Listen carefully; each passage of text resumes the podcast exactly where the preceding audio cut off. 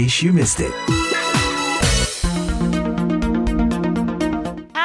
Bertemu lagi dengan saya Madioni dalam In Case You Miss It, VOA Washington DC, program yang hadir setiap hari Jumat. Serangan bom teror terhadap kantor Lembaga Bantuan Hukum Yogyakarta baru-baru ini menggugah kembali isu perlindungan terhadap lembaga-lembaga yang kehadirannya mengusung cita-cita Indonesia sebagai negara hukum dan demokrasi. Kita akan membahas masalah ini dengan Direktur Amnesty International Indonesia, Usman Hamid dan Direktur Indonesian Court Monitoring Yogyakarta, Triwahyu. Nah, kita sudah tersambung dengan Pak Usman Hamid. Pak Usman, bagaimana pandangan Amnesty International Indonesia agar peristiwa penyerangan terhadap LBH seperti di Yogyakarta ini agar tidak terulang lagi di masa depan? Pertama tentu negara harus menemukan pelakunya dan menuntut pertanggungjawaban pelakunya itu di pengadilan. Apakah dia sekelompok orang di luar negara atau sekelompok orang atau seseorang atau beberapa orang di dalam negara, hukum tidak boleh bersifat diskriminatif, hukum tidak boleh membeda-bedakan siapa yang terlibat dalam sebuah kejahatan. Kalau dia adalah aparat negara atau kalau dia bukan aparat negara, kedudukannya sama di muka hukum di pengadilan dan itu pertanggungjawaban pidana karena tindakan itu tindakan kriminal merusak uh, properti, merusak kantor LBH Yogyakarta. Yang kedua adalah mencegah itu semua dengan cara memberikan pengakuan yang resmi terhadap peran dari para pekerja bantuan hukum di Indonesia sebagai pembela hak asasi manusia. Sebenarnya undang-undang bantuan hukum di Indonesia telah ada dan memberikan pengertian yang sangat jelas betapa pentingnya para penyedia bantuan hukum itu, penyedia layanan hukum itu, LBH LBH. Kenapa? Karena uh, bantuan hukum itu sesuatu yang wajib disediakan oleh negara.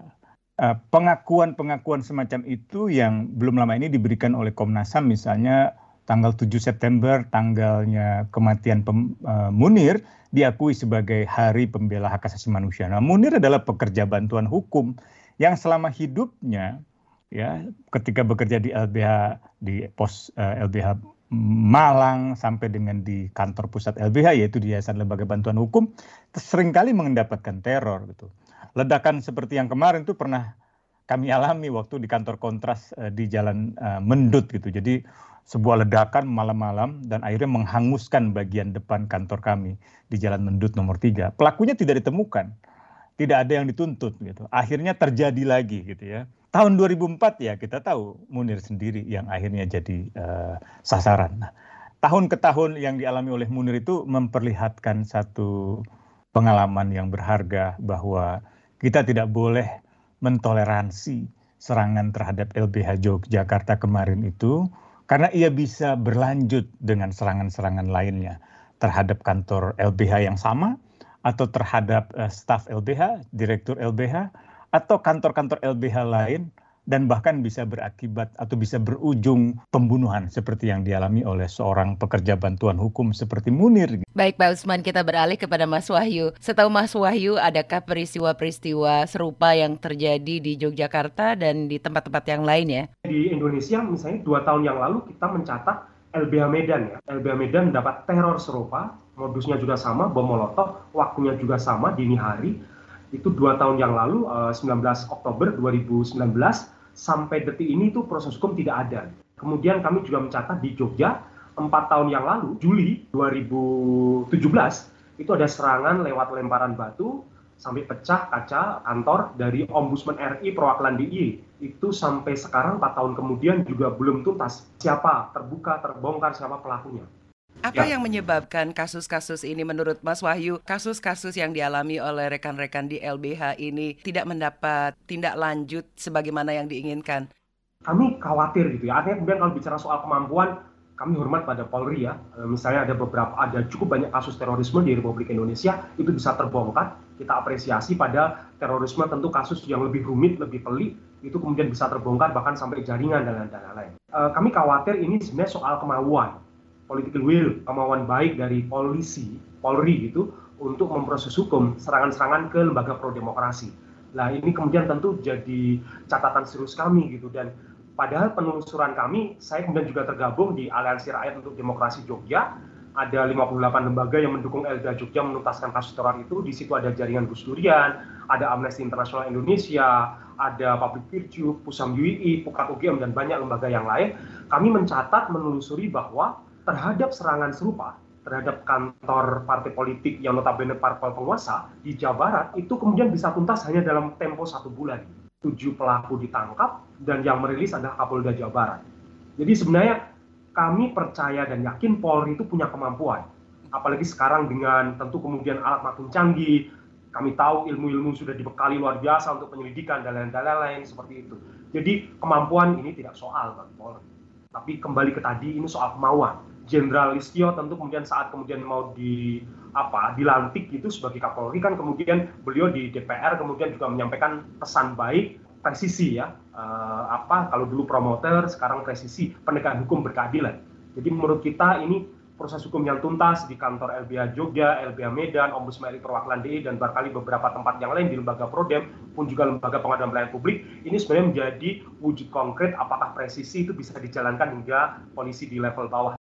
Nah, beralih ke Pak Usman, menurut Pak Usman sendiri bagaimana? Apa yang menyebabkan polisi ini sulit sekali mengungkapkan kasus-kasus yang menimpa LBH dan para pekerja bantuan hukum ini? Biasanya ada kepentingan di luar hukum, uh, kepentingan ekonomi, kepentingan politik gitu ya. Polisi punya kemampuan uh, investigasi ilmiah, forensik, balistik, uh, resersenya hebat-hebat, intelnya juga bagus-bagus gitu ya. Tetapi dalam suatu masyarakat di mana negaranya masih belum sepenuhnya ideal gitu ya gitu. Jadi ketika ada yang terlibat dari atas hukum menjadi tumpul gitu. Bukan karena hukum tidak mampu untuk mengetahui tanggung jawab mereka keterlibatan mereka tapi hukum masih ada di bawah kekuasaan. Analoginya semacam itu. Jadi misalnya kalau kita telusuri apa sih yang dilakukan oleh LBH Yogyakarta selama ini? Oh mendampingi masyarakat di Wadas. Oh mendampingi masyarakat di Cilacap yang terdampak uh, oleh PLTU, oh mendampingi uh, sejumlah warga yang uh, ditolak kalau misalnya menyampaikan ekspresi di Malioboro, oh mendampingi dosen. Nah itu semua sebenarnya hanya latar belakang saja. Dan seterusnya. Saya kira terlalu banyak hal teknis yang bisa kita elaborasi, tetapi poin saya adalah kita belum bisa menyimpulkan siapa pihak yang terlibat di balik uh, serangan LBH Yogyakarta, tapi sulit untuk membantah bahwa serangan itu berhubungan dengan kerja-kerja LBH. Dan jika benar misalnya terhubung ke proyek BLTU, ya proyek BLTU proyek pemerintah gitu. Pasti polisi akan merasa, waduh kalau pelakunya diusut, nah ini seperti mengganggu proyek pembangunan pemerintah. Ini kan proyek vital nasional pemerintah, misalnya gitu. Sebuah pembunuhan misalnya, seperti kasus Munir itu dianggap rahasia negara. Atau kalau membuka siapa pelakunya karena menyangkut nama lembaga intelijen negara, dia akan mempermalukan negara. Padahal kan sebaliknya, justru kita harus mengeluarkan orang-orang yang jahat di dalam negara kita. Gitu. Jadi seperti mencabut duri di dalam daging negara kita itu. Ketika kita mencabut duri dari daging kita, memang sakit, sakit sekali. Tetapi dengan hilangnya duri itu, maka secara perlahan racunnya pun hilang dan infeksinya akan hilang dan pada akhirnya kita akan sembuh. Artinya lembaga itu bisa diperbaiki. Dan memang yang salah bukan lembaga. Dan dalam kasus-kasus semacam ini, pertanggungjawabannya ada pada individu. Bisa saja pejabatnya yang jahat atau orangnya yang jahat, bukan lembaganya. Tidak ada hubungannya dengan lembaga. Lembaga bisa berganti orang. Nah, kita harus bisa membedakan pertanggungjawaban dan perbuatan seseorang yang kebetulan menduduki jabatan tertentu dengan negaranya. Nah, tetapi karakter dari negara ini juga tergantung pemerintahnya, ditentukan oleh bagaimana kepala negaranya melihat LBH gitu. Kalau LBH dianggap, hmm, LBH ini musuh investasi, wah itu berat. Kalau sudah pemerintahnya menganggap bahwa lembaga-lembaga seperti LBH, Kontras, eh, dan lain sebagainya adalah penghambat investasi. Nah, bisa jadi. Pak, bagaimana teman-teman LBH menanggapi serangan teror ini sampai saat ini, Mas Wahyu? Yang pertama, agar menjadi pesan bagi para peneror bahwa kami tidak tinggal diam, makanya kemudian hanya dalam hitungan jam langsung kita laporkan apa Mas Yogi ya, Direktur LBH Jogja melaporkan ke Polresta gitu. Jadi ini satu sikap konstitusional kita bahwa ini ada tindak pidana, tentu kami pakai jalur konstitusional kita laporkan lewat Kepolisian Republik Indonesia agar diproses uh, kasus pidananya. Tapi yang kedua menjadi juga menjadi satu pesan di kontes di LBH ya dalam waktu bersamaan hari sorenya Sabtu sorenya sebelum lapor ke Polresta adalah teman-teman LBH Jogja tidak takut dengan teror ini. Seperti itu, uh, Mbak Yuni. Bagaimana meyakinkan keluarga bahwa kita akan aman dalam bekerja, memberikan bantuan hukum kepada masyarakat? Dua kata di lembaga Prodem selalu kita dengungkan, kabarkan adalah merapatkan barisan. Artinya kami memanai ini satu perjuangan bersama. Jadi makna keluarga sebenarnya tidak hanya keluarga-keluarga pribadi, kami memanai sebagai keluarga besar, keluarga LBH, YLBHI, keluarga besar Pro Demokrasi. Kemarin ada 58 lembaga Pro Demokrasi Indonesia mendukung LBH Jogja Artinya tentu kami-kami punya keluarga pribadi, tapi karena ini satu perjuangan Prodem, ini satu tugas kemanusiaan. Baik Mas Wahyu, kembali ke Pak Usman. Perlindungan semacam apa yang harus diberikan oleh aparat kepada kantor-kantor LBH? Kalau secara konkret, ya, kita bisa belajar dari pengalaman LBH Apik yang juga digeruduk kantornya pada awal tahun 2019, termasuk petugas yang mengancam, memberi intimidasi terhadap para pekerja bantuan hukum uh, perempuan mayoritas perempuan di sana. Nah, negara dalam hal ini LPSK itu mengkon, me, me, menyediakan CCTV di kantor LBH uh, eh, Apik dan menghubungkan sistem CCTV itu ke dalam sistem keamanan di LPSK.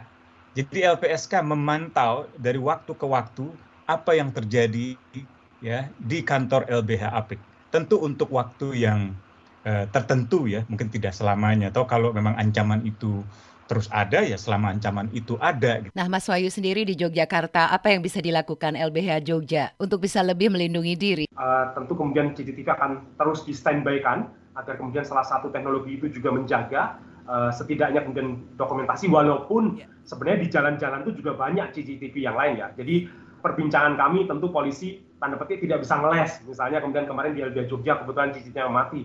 Kan di beberapa titik-titik Mbak Yoni di kota gede itu kan banyak ya CCTV lalu lintas, ruang-ruang publik, kantor-kantor publik yang juga bisa merekam dalam tempo uh, jam 1 sampai jam 5 pagi itu. Itu yang kemudian uh, tentu penting uh, dirapikan, termasuk kemudian tentu kami juga menjaga agar sebisa mungkin kemudian dalam bekerja atau kemudian di luar dan lain-lain tidak sendirian. Baik, Mas Wahyu terima kasih. Nah, Pak Usman sendiri, bagaimana saran Pak Usman agar pekerja hukum ini bisa melindungi diri dari kemungkinan serangan di masa depan? Nah, ini berarti sarannya kepada saya juga tiga hal. Pertama, keamanan fisik dari diri kita. Ya, ke mana pun kita bepergian, uh, rute perjalanan kita, uh, jam perjalanan kita itu perlu kita selalu uh, ketahui dan waspadai. Nomor telepon yang kita gunakan juga perlu kita selalu hati-hati.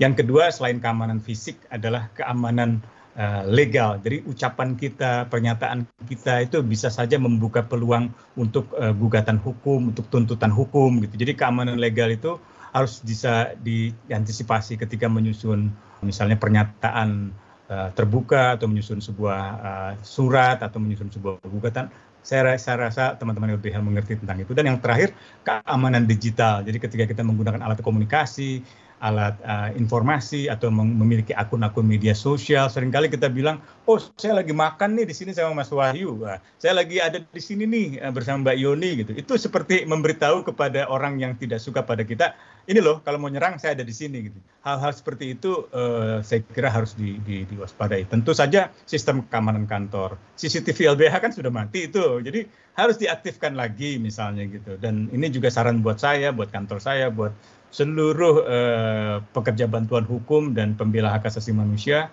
yang memperjuangkan nasib begitu banyak orang yang tidak punya uh, kemampuan ekonomi uh, dan berhadapan dengan mereka yang berkuasa, mereka punya uang, yang memiliki senjata, memiliki sikap yang tega untuk menyerang kita itu saya kira kita harus uh, membangun keamanan diri. Baik Pak Usman dan Mas Riwahyu, terima kasih banyak waktunya. Demikian In Case You Miss It, VOA Washington DC bersama Direktur Amnesty International Indonesia Usman Hamid dan Direktur Indonesian Court Monitoring Yogyakarta Triwahyu. Program ini juga bisa disimak melalui podcast kesayangan Anda. Saya Madioni undur diri, sampai jumpa dalam topik menarik lainnya. Bye!